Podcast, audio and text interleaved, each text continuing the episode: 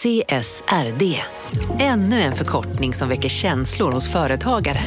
Men lugn, våra rådgivare här på PWC har koll på det som din verksamhet berörs av.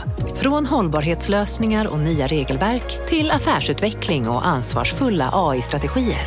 Välkommen till PWC. Nu är det stor vårfest på K-bygg med massor av varor till kanonpriser. Eller vad sägs om Bäckers Elite Träolja för bara 229 kronor? Ytterdörr Modern för bara 5 995 eller 25% rabatt på förvaring och skjutdörrar från Elfa. K-bygg. Bygghandel med stort K. Välkommen till Momang, ett nytt smidigare kasino från Svenska Spel, Sport och Casino där du enkelt kan spela hur lite du vill. Idag har vi Gonzo från spelet Gonzos Quest här som ska berätta hur smidigt det är. Sí, es muy excelente y muy rápido. Tack Gonzo. Momang, för dig över 18 år. Stödlinjen.se.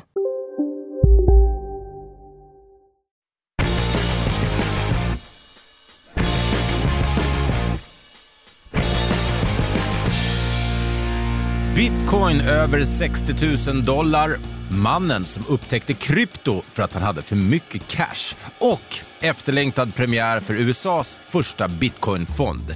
Ja, välkomna ska ni vara till ännu ett avsnitt av De kallar oss krypto.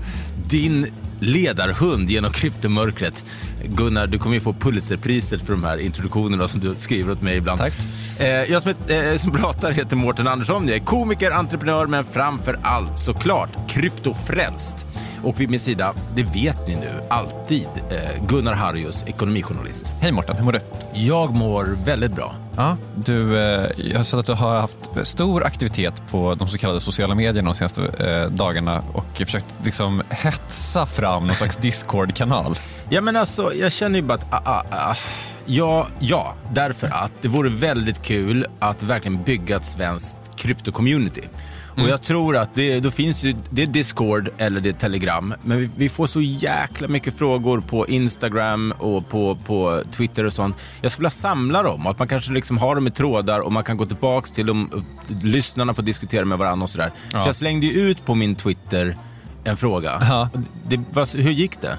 Ja, du fick ju hur mycket svar som helst. Min, Vi? Ja, vi. vi. Men ja, min telefon, jag har stängt av notifikationer på min telefon. Det, det, det, Var det så många? Det, det är det som har hänt. Nej men det var ju alltså väldigt, väldigt många. Ja. Eh, uppåt hundra stycken tror jag det till slut landade i som, som vill att vi har en Discord-grupp. Och Ja. som, som eh, någon slags producent för det här då tillsammans med Jakob, eh, vad, vad säger du till lyssnarna som nu hoppas på en Discord för de kallar oss krypto? Men, att döma av liksom våra eh, långvariga liksom så tekniska diskussioner över sms så kanske det är så att jag ska starta den ändå. Jag tror det. Ja. Jag kan komma med det kreativa innehållet och hur Ja. jag tycker den ska se ut. Ja, men då, då rattar jag tekniken. Perfekt. Vi har ett jättekul avsnitt framför oss idag igen med en toppengäst som eh, kan väldigt mycket om framförallt bitcoin men eh, även krypto i stort. Han har skrivit böcker om det här och det ska vi komma till alldeles strax. Men, men, men innan vi gör det bara snabbt, hur, har- hur har din vecka varit? Jo då, den har varit eh, bra. Vi, vi kommer väl prata om det ganska mycket tänker jag, men det har ju varit en väldigt bra vecka för krypto eh, generellt. Och det, det är ju något, när man sitter i nyhetsflödet som jag gör ganska mycket, så är det ju man blir är bara på lite så bättre humör när nyheterna är positiva versus när allting är så eh, doom and gloom. Ja. Eh, så att man, jag tror att det påverkar en kanske lite mer än vad man vill erkänna också. Alltså inte bara typ så att man kollar på sitt konto och så är det röda siffror, utan också bara så här att alla nyheter är så negativa så blir man lite ledsen typ. Och jag tror, jag håller helt med. Och dessutom om man är med i x antal WhatsApp, Telegram och Discord-grupper så är ju hela feelingen där också. Det är liksom familjen bra. Eller alla mår bra. Alla är glada till, eh, till skillnad från när folk är så här, eh, shit jag har gått in för hårt, vad har jag gjort? Liksom. Ja. Så det var under några månader där i somras. Just det. Hur har din vecka varit då? Du har ätit, ätit flott har jag sett.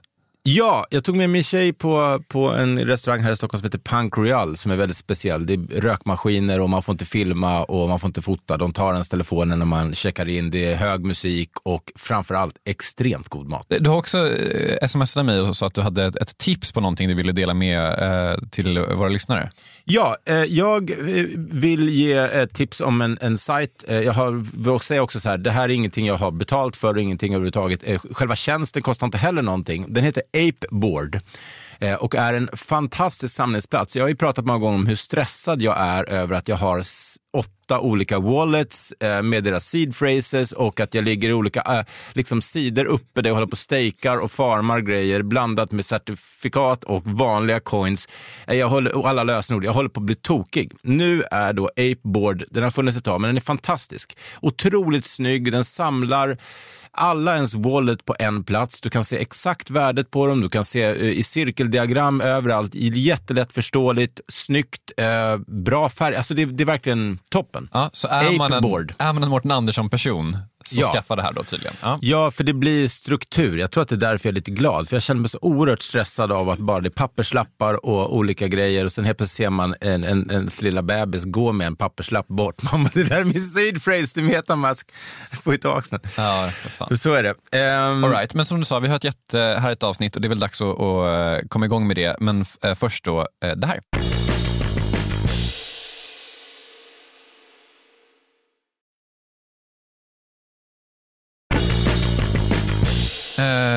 Mårten, ska vi eh, ta in eh, våran underbara gäst? Eller ta in och ta in, han sitter ju här. Ja, Ja. vi kör. Han är BTCX vice VD och författare till boken Bitcoin och blockkedjan, en begriplig överblick. Med andra ord är han alltså företagsledare, kryptoprofil och folkbildare. Så det är en stor ära att ha dig här, Christopher Dier. Tackar, tackar. Eh, sk- skriver du under på det, liksom så, eh, företagsledare, kryptoprofil, folkbildare? Är det liksom tre ord som du så här, står på ditt visitkort om du hade haft något? Nej, det, det hade jag inte skrivit. Men, men jag, köper, jag köper i alla fall att jag kan nog vara folkbildare. I, I och med att jag bara snackar krypto och primärt bitcoin med, med vem som än lyssnar. Och någon av dem tillhör väl folket så att någon blir väl utbildad, absolut. Ja, och den här gången spelar vi in det. Ja, precis. den här gången spelar vi in det. Eh, För eftervärlden att ta in också. Men, eh, men eh, är, är du sån, alltså, missförstå mig rätt, med kryptogalning, där du lever, andas och äter typ krypto och det är det du pratar om konstant menar du? Ja, ja, man måste ju försöka låtsas vara normal i samhället för att fungera också. Men, men eh, till 80 procent så pratar jag nog bara krypto, det skulle jag säga. Men sen spenderar man kanske 15 procent på familjen också. Ja, just det. Så att- vi ska också säga att du har det som jobb ganska mycket väl, så det, det är inte riktigt så sjukt som det kan låta. Ja, det hör till faktiskt. Ja. Exakt. Eh, Kristoffer, vi ska ju eh, prata med dig eh, ja, jättemycket helt enkelt och få höra om din eh, eh, kryptoresa som man så fint säger, men även prata om, om massa andra saker. Eh, men först tänkte jag att vi ska dyka in i det som hänt den senaste veckan, Mårten, med ett eh, nyhetssvep. Börshandlade kryptofonder, så kallade ETFer, har nu godkänts av amerikanska finansinspektionen SEC. Från och med tisdags den här veckan så kan amerikaner nu då exponera sig mot krypto utan att köpa de faktiska coinsen. Det här tack vare att ProShares Bitcoin Strategy ETF nu går att handla. Som de kallar oss krypto tidigare rapporterat om så har vägen mot godkända ETFer varit lång och många bolag har fått sina ansökningar framskjutna under året. Nyheterna kring godkännandet i kombination med en allmän positiv framtidstro har fått bitcoinpriset att stiga och i talande stund står bitcoin i 62 100 dollar. Det här gör bitcoin till världens åttonde mest värdefulla tillgång. Med totalt värde på 1100 miljarder dollar har The Kingcoin gått om Facebooks totala marknadsvärde och är nu åtta över listan av världens värdefullaste tillgångar. Silver är närmast framför med ett totalt värde på drygt 1300 miljarder dollar. En är dock guld, ungefär 10 gånger mer värt än bitcoin, så det finns en bit kvar att vandra. Jack Dorsey, grundare av Twitter och betaltjänsten Square, säger att Square nu undersöker möjligheten att ge sig in i bitcoin mining. Dorsey skrev i veckan till sina 6 miljoner följare att Square undersöker de tekniska möjligheterna med bitcoin mining och att målet är att utveckla en tjänst tillsammans med resten av communityt. Två månader efter Kinas förbud mot just mining så övertog USA platsen som världens största miningland. Från att ha minat 44% av världens bitcoin står nu Kina för 0% medan USA har gått från att mina 6% i början av året till att nu stå för hela 35% av den totala produktionen. Kazakstan är tvåa på listan. Very nice! Med drygt... släppa lite improvisation. Kazakstan är tvåa på listan med drygt 17 procent av den totala bitcoin-miningen. Till sist, speldistributionsjätten Steam förbjuder spel som är byggda på blockkedjeteknik. Steam, som fram till 2017 tog emot bitcoin som betalning för spelen, skriver i sitt nya användaravtal att de inte tillåter spel byggda på blockkedja eller spel som innehåller NFT-er. Varken Steam eller moderbolaget Volve har kommenterat varför förbudet införs. Men spelutvecklare spekulerar i att Steam själva vill ha kontroll över de NFT-marknader som finns i blockkedjespelen. Ja, men eh, mycket, mycket som vanligt och mycket matigt. Är det någonting som eh, du reagerar på, Kristoffer? I allmänhet så, det första man ska säga tycker jag är just, eh, när det kommer till mining så har vi länge, i alla fall när det gäller bitcoin, har det funnits ett stort hot. Och det är just att kontrollerar du 51 procent av den här miningkraften då som finns, då kan du, du kan inte förändra transaktioner, men du kan i alla fall stoppa transaktioner och se till att de inte... Liksom, ja, du kan i princip pausa blockkedjan. Just det. Och ett tag har Kina haft liksom uppåt 70-80 procent av miningen och då har det verkligen funnits en, en riktig oro för att eh, Kina skulle kunna kliva in och skapa totalt kaos för bitcoin. Men idag så, som du sa, det är, ju, det är i och för sig inte 0% på riktigt tror jag, men det rapporteras 0% mining i Kina.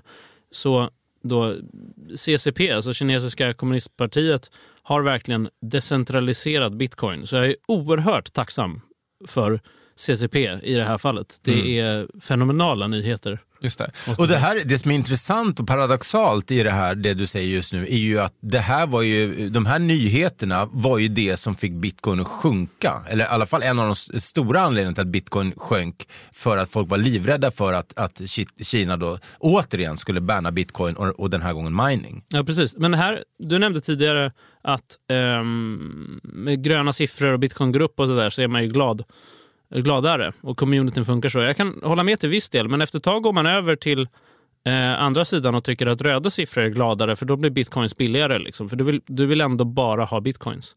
Så ehm, det är ett av de bästa jag, jag tror inte jag har varit på bättre humör nästan, när, än när Kina förbjuder mining så att det decentraliseras och kursen kraschar. Alltså det är, jag får bara gåshud av att tänka på hur bra, alltså det var en riktigt bra dag. Eh, ska vi prata lite om den här eh, kryptofonden som äntligen blivit godkänd, eller hur det nu ligger till? Det var, eh, man, kan väl handla den typ från i... Från i tisdags. Och det, det jag inte fattar, som jag vill fråga dig direkt Kristoffer, det är ju det vi har tagit upp i, de kallar oss krypto och, och liksom också såklart när vi följer nyheterna, är att man har pratat om, de, alltså en, jag vet inte om det är rätt uttryck, men traditionell bitcoinfond. Men det är ju inte det det här är, för det här är en futures fond som har blivit accepterad. Så de som har skjutits på framtiden är ju då spot trading. Och som, om jag har läst mig till rätt så ska det då vara mer risky menar de. Än, och det är därför den här har accepterats först. Kan du förklara för oss vad det, vad det, så vi förstår vad det är som händer? Mm, absolut. Så en eh, futures handlar egentligen om att eh, du köper någonting, ett kontrakt om att, att till exempel då någonting ska vara ett visst pris i framtiden. Det behöver inte vara bitcoin. Futures har funnits jättelänge och är väldigt användbart i traditionell finans och, och i allmänhet i affärslivet för att du till exempel om du, om du säljer en, en råvara så kanske du vill eh, säkra upp att eh, jag kommer producera den nu, den är klar om sex månader och då vill jag veta att jag kan sälja den för ett visst pris. Och då funkar futures väldigt bra för då kan du få det priset redan idag. Just det, och det här kallas ibland för terminshandel på svenska, om man är mer bekant med det ordet. Ja, precis. Och eftersom det är då en, en etablerad struktur för det, hur man handlar futures, vad är reglerna, hur funkar det, vem, var, allt det där är ju etablerat, så blir det ganska lätt att skapa då i det regelverket en, en då bitcoin ETF som är då baserad på futures. Så istället för att säga ja, det här bolaget eller den här ETFen köper bitcoin och håller bitcoin, så säger man de här köper kontrakt då på bitcoin. Och på det sättet, som om du sätter in pengar i den här fonden så kommer de köpa kontrakt åt dig. Och på det sättet så kan vi använda traditionellt regelverk och därför få igenom den här typen av, av instrument snabbare. Det li- låter lite ehm, flummigt och det måste jag säga att det är det faktiskt. För att det mer logiska är ju bara att köpa bitcoin rakt upp och ner och hålla det. Det är mycket säkrare för att du kan hålla det liksom mer strukturerat men idag så finns det inte ett tydligt regelverk för det och därför skjuter de då de här spot-ETFerna framåt. Sen finns det andra nackdelar med, med en ETF jämfört med en spot ehm, um, ETF. Och det är till exempel att de här futures-kontrakten kostar ju pengar. Så om du sitter i den här futures-ETFen i säg tio år så kommer du ha förlorat en ganska stor procent av uppsidan bara för att kostnad har försvunnit för att köpa de här kontrakten. Så generell rekommendation är ju att om du ska hålla bitcoins kortsiktigt av någon anledning så kanske det är okej okay att köpa en sån ETF. Men en, en normal spelare ska ju, ska ju köpa riktiga bitcoins för det kostar ju ingenting. Just det, det ska också sägas att du ju eh, jobbar på en, ett bolag som, som, som man kan köpa riktiga bitcoins med. Ja, det är sant. Jag brukar säga att jag är extremt partisk i, i allting som jag pratar om. Eh, så att man ska inte lyssna på mig egentligen om om någonting som rör krypto. Eh, så att vi kan börja där. Jävla usel brasklapp på det här avsnittet. ja, faktiskt. Men om de går igenom även de traditionella eh, och det som händer nu med, med bara den här futures, det lär komma fler futures oavsett vad. Hur ser du det som eh, bullish eller liksom, eh, hur ser du på det för bitcoins framtid? Jag tror att det är bullish för priset på bitcoin generellt sett. Det behöver inte vara det liksom, idag om den lanseras idag. Det kan mycket väl krascha, liksom sell the news. Så kan det vara. Men långsiktigt tror jag att det är bullish för priset för att fler människor kan köpa bitcoin på ett enkelt sätt och ett mer reglerat sätt. Det gör att kanske liksom, Eh, pensionsbolag eller liknande kan köpa bitcoin, vilket är intressant för dem och det kunde de inte innan för att deras regelverk inte tillät dem för att köpa riktiga bitcoins. Men om man ska vara eh, en, en eh, bitcoinare här så säger man att nackdelen med en ETF är att mer och mer av människor som köper bitcoins flyttas då till centraliserade börser, centraliserade platser där de kan hackas eller där de börjar kontrolleras då av liksom reglerade spelare. Bitcoin är ju tänkt som ett, ett fristående finansiellt nätverk som du ska kunna driva på din egen dator. Så att man vet att det finns ingen som kan stänga ner det och alla, det kommer alltid finnas och finnas tillgängligt för alla. Så att det finns ett orosmoment teoretiskt sett som är just att man vill inte att för mycket centraliserade spelare börjar hålla på med bitcoin egentligen, även om det vore bra för kursen. Men det som jag har, tänker mycket kring bitcoin, ju mer jag har lärt mig, det är att hur tydligt det blir om man pratar om det i hela världen. Att det, det handlar så mycket om inflation. Att vara då eh, ett försvar mot inflation i länder som Venezuela eller El Salvador och, och så vidare där, där pengarna har kört till botten. Och det går ju att applicera på väldigt många andra länder, även liksom i-länder som USA till exempel. Eh, och man pratar om hyperinflation och sånt. Men när vi, har, när vi ändå ser inflationen gå upp så har ju inte bitcoin gått som många tror att den, den ska bli starkare då. Den har ju dragits med i det. Vad är dina tankar kring det? Är det någonting som kommer utvecklas åt ett annat håll eller är inte bitcoin eh, den, det, det skyddet mot inflation som man har trott? Nej, jag tror, jag tror bitcoin kortsiktigt inte är ett skydd mot inflation som man trott Eh, på vissa plan. Men långsiktigt tror jag att det är det. För att på kort sikt så tror jag att det funkar ungefär som så att det kommer eh, nyheter som är problematiska på något vis och det påverkar marknaden generellt. Liksom. Så eh, världens största bolag börjar krascha och de största fonderna kraschar. Investerare idag har ju sån tillgång till bitcoin genom till exempel den här ETFen att det de gör då är att de blir oroliga och säger jag vill inte ligga i marknaden just nu, jag vill ligga utanför marknaden. Så de säljer till exempel allt, eller en viss del av allt. Och så flyttar de det till dollar då till exempel. Eh, så det gör att man säljer bitcoin i sådana stunder. Så att bitcoin har blivit väldigt korrelerat med, korrelerat alltså det rör sig tillsammans med eh, traditionella marknader. Så på det sättet så är det inte en hedge så som, på, på kort sikt så som man kunde säga förr i tiden när det var helt okorrelerat för att mm. det, de som köpte bitcoin hade inte aktier. Liksom. Men på lång sikt så funkar det som så att vi trycker mer pengar. Så vi, vi skapar mer pengar och vi mäter mot de här pengarna hur mycket en bitcoin är värd. Men bitcoin finns det ju bara 21 miljoner stycken av. Så säg att du sitter på 21 bitcoins. Du har en miljontedel av alla bitcoins som finns och du kommer alltid ha en miljontedel. Men pengarna blir fler. Så de, det kommer bara mer och mer pengar, så de här sakerna vi mäter mot, de minskar i värde. Mm. Så man kan till och med tänka att bitcoin är bara bitcoin. De, de, den bara sitter still. Och det du mäter mot minskar i värde snarare än att du ska tänka att bitcoin går upp i värde. För det är inte riktigt så det funkar. Sen går bitcoin också upp i värde om du mäter mot hus och sådär just nu för att det är nytt. Men ja. i längden så kommer det inte vara då kommer det nog inte funka så. Utan då kommer, när bitcoin är eh, tio gånger så stort som guld eller någonting, då blir det stabilt och så däromkring kommer det liksom, ha ungefär samma utvecklingstakt som fastigheter eller någonting. Men, men dollarn till exempel kommer fortfarande minska i värde och därför kommer vi mäta det som att bitcoin ökar i värde. Men om vi pratar om äh, antalet användare till exempel. Eh, hur, hur, hur stort kommer bitcoin bli? Vad är det du ser i, i spåkulan? Um, jag, jag ser det som så att det kommer bli ett nätverk för alla på hela jorden, skulle jag säga, som behöver det och um, som, som vill använda det. Och det kommer ta lite tid.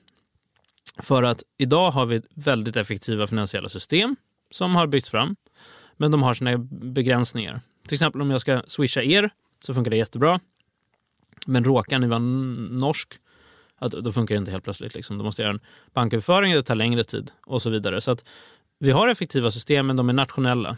Så det börjar växa fram ett sorts eh, ekosystem där du har en global liksom, valuta som dessutom inte har någon, någon, politisk koppling. Så att du kan ha bitcoin oavsett vilket land du är från. Du behöver inte oroa dig för att det finns någon centralbank eller någon politisk liksom, agenda någonstans.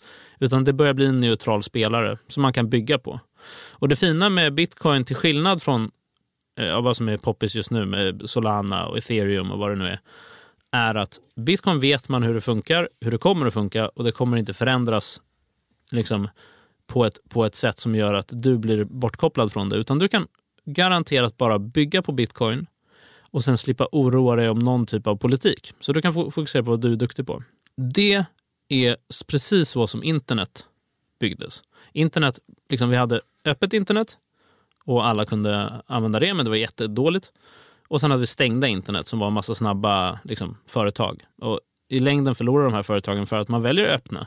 Det är enklare i längden att bygga på. Man kan, man kan liksom själv utveckla saker där. Så jag ser bitcoin som ett, ett, ett en byggsten som hela världen kan bygga sitt finansiella eh, nätverk på. Men vi är tio år gamla. Liksom. Alltså det kommer dröja ganska lång tid innan det sker. Men eh, jag, jag, tror att vi, det finns liksom ingen väg. Jag, jag, jag ser ingen jag ser inget sätt som bitcoin inte blir fundamentet vi bygger världens finansiella nätverk på. Och sen kommer världen bli uppkopplad mot det finansiella nätverket, för det är de redan. Alla flyttar ju pengar idag. Så men vad ser du, och man måste ändå prata politik där, det är jätteintressant det du säger naturligtvis, eh, men om man, man ett x antal centralbanker runt om i världen lär ju säga, ja absolut Kristoffer, men eh, hej, vi är kvar här.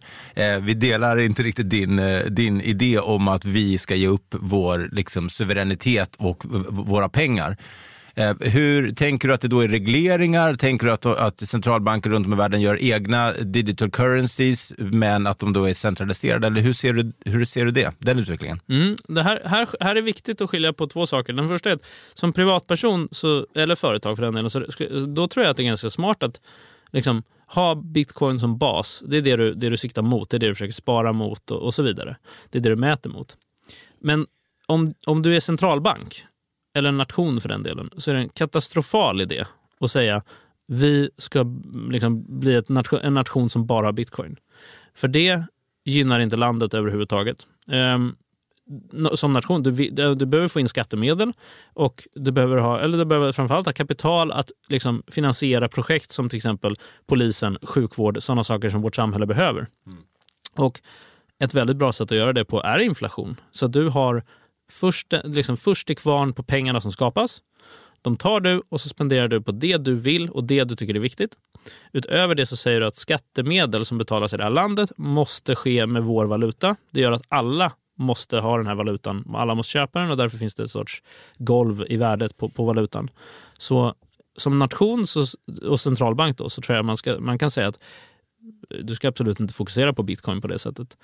En sista sidnot där är Däremot som centralbank kan du mycket väl köpa bitcoin och ha som säkerhet för din valuta. Så jag tror att i princip alla valutor i hela världen kommer bli bitcoin-backed. Men det, det, betyder inte att de är peggade till den på något sätt, utan det är bara precis som de håller guld idag, centralbanker, mm. så är det ett sätt att ge trygghet och säga titta vad, titta vad du kan lita på vår valuta. Just det. Men för det där tycker jag är intressant för att eh, det finns ju vissa så bitcoin-utopister som är så, så här, ah, det ska ersätta alla valutor, det ska ersätta det här, det ska ersätta det här. Och man, jag känner lite typ så det de tänker är eh, apolitiskt är egentligen hyperpolitiskt. Alltså det, är liksom, det finns ingenting som heter apolitiska pengar och att man då ska kunna liksom skapa ett en valuta och ett finansiellt system som, som bygger på totalt andra premisser än det man har gjort i tusentals år tror jag är att leka mer med elden än vad många, många tänker att det är. För att, att ha en, en stat som inte styr över någon form av pengar i landet.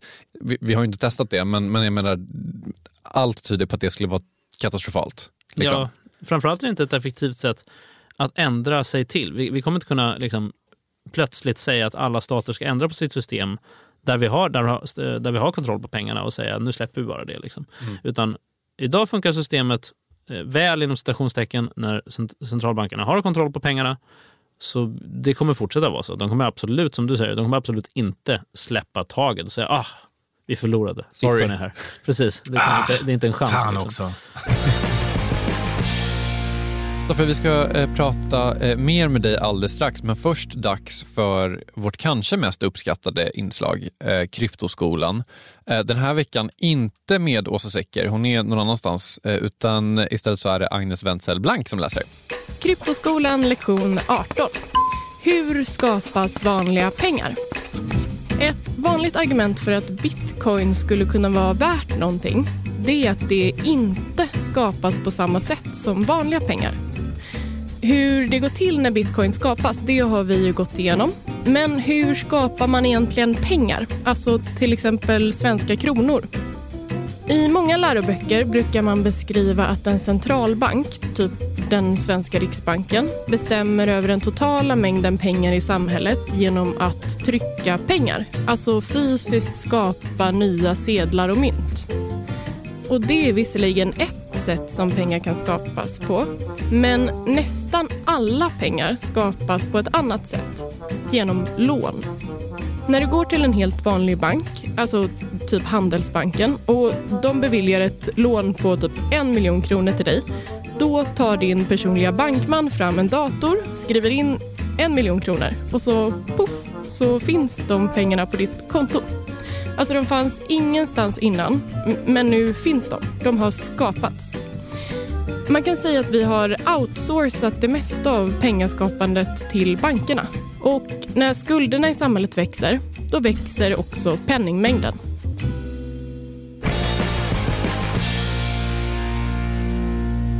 Okej, men Kristoffer, din bakgrund, liksom, hur, du, har, du sitter ju uppenbarligen på otroligt mycket kunskap om det här. Hur, hur liksom dök eh, bitcoin och, och krypto upp i ditt, eh, i ditt liv?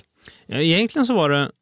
Um, i, 2013 så hittade jag bitcoin av en slump skulle jag säga. För att jag, jag bodde i Kina då. Så skulle jag, eh, jag hade jobb i Kina och, och liksom, ja, levde mitt liv där. Men det var innan, som västlänning i Kina då i Shanghai så hade du generellt sett inte ett bankkonto. Det hade inte jag, utan allt var kontanter.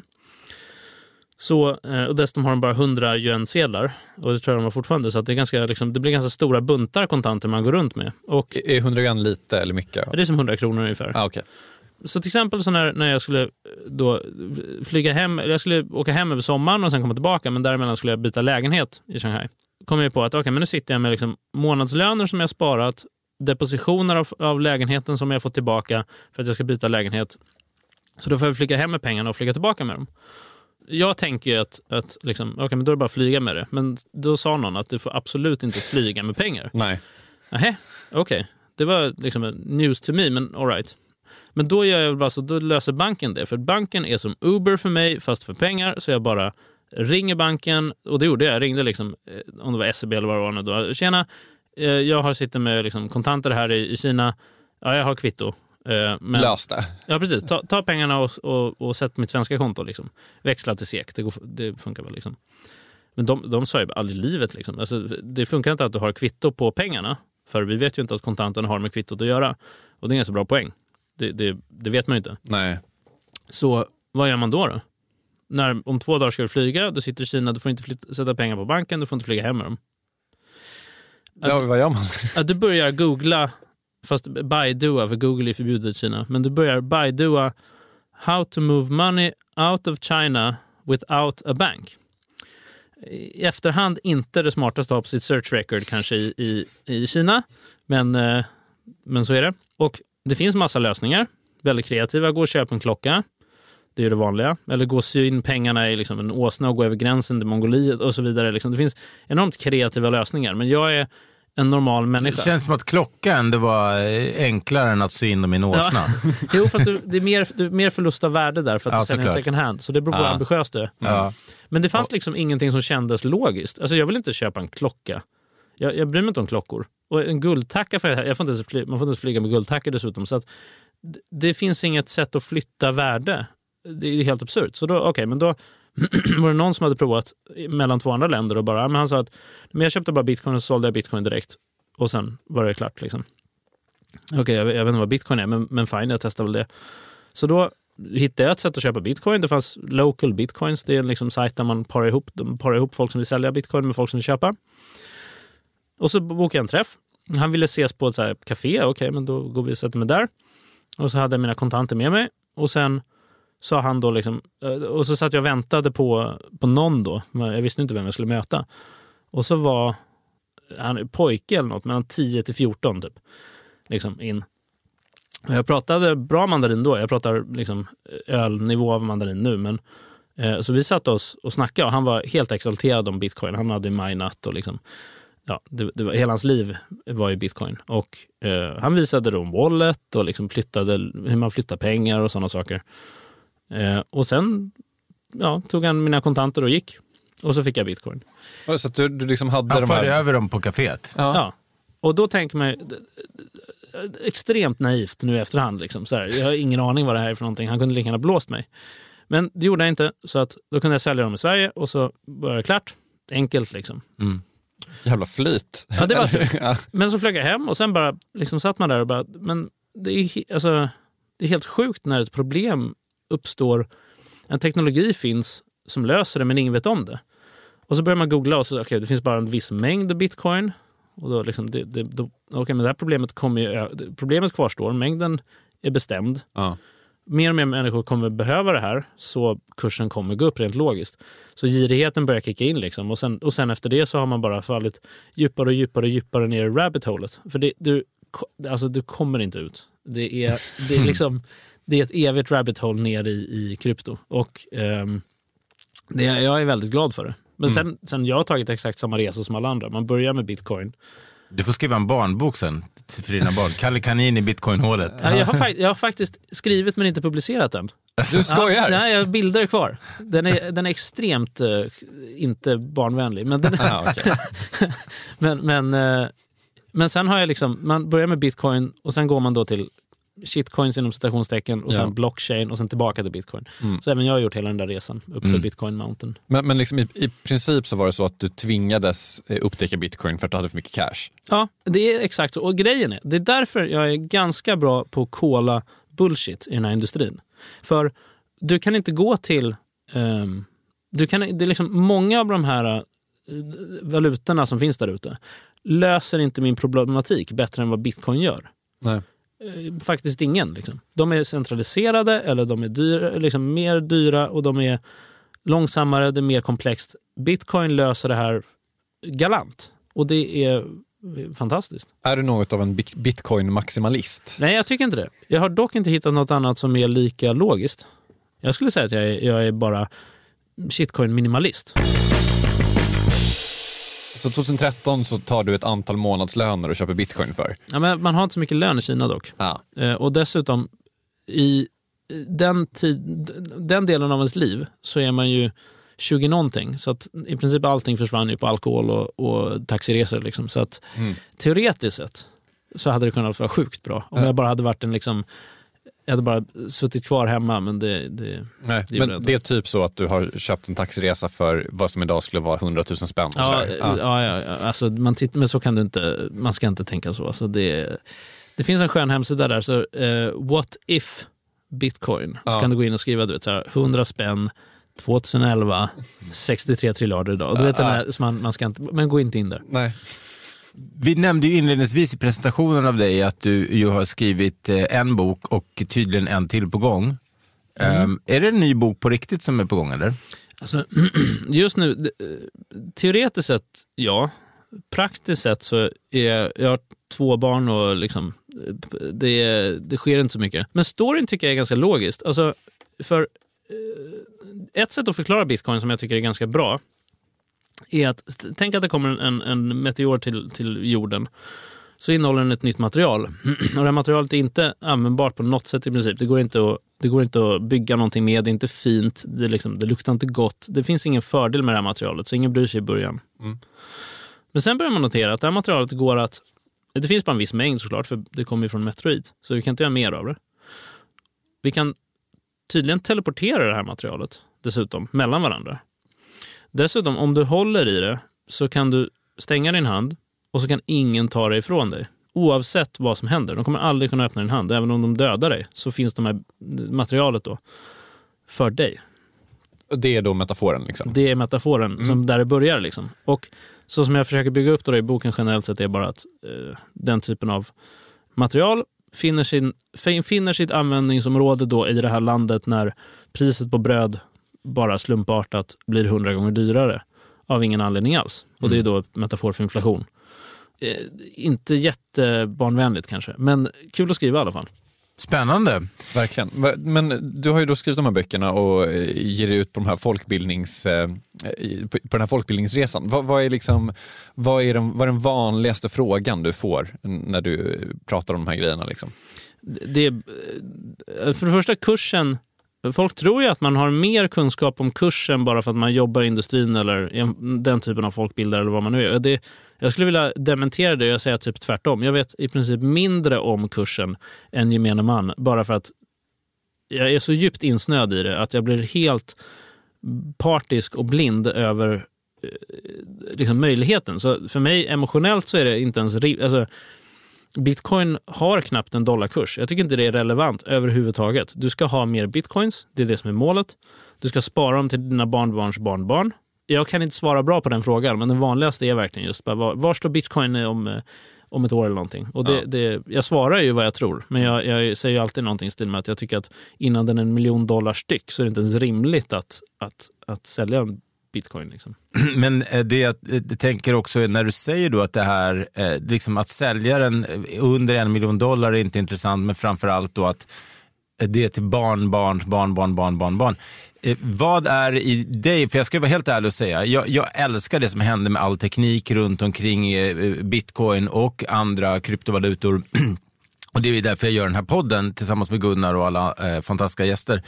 Men jag skulle ljuga om jag eh, sa att prisuppgången inte var en betydande faktor för mig. Eh, även om jag kanske inte tänker att jag heller vill sälja eh, så. Men, men eh, vad är din motivation i det om priset är ointressant? Jo, men eh, för mig är det, för mig är det verkligen att jag tror att, jag tror att mänskligheten får det bättre av att bitcoin finns, bitcoin funkar och bitcoin finns tillgängligt. Jag, jag tror verkligen genuint det. Och det beror på att jag tror att om vi tar, för bitcoin är ett verktyg bara. Så jag som liksom normal svensk kan använda bitcoin, men Isis och al-Qaida kan använda det precis lika mycket.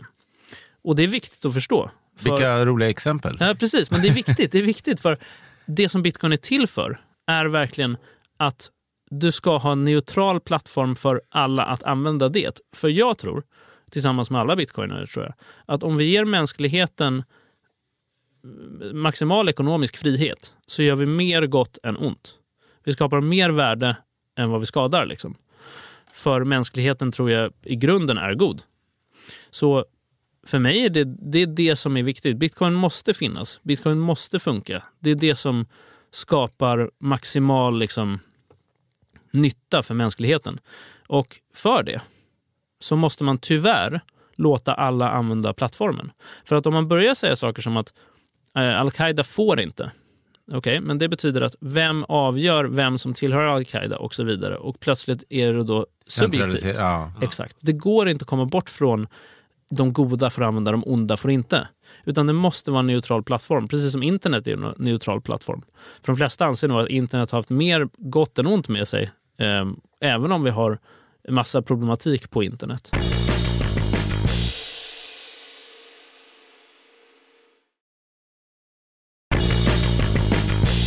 Eh, ska vi, eh, nu är inte du någon pris, eh, priskille, Kristoffer De Geer, i, i det avseendet, men vi brukar ändå stämma av med alla gäster i podden. Eh, ett år, om jag, eller vad stänger den på 31.12.2021, Ja. vår bitcoin, och om vi säger tre år framåt.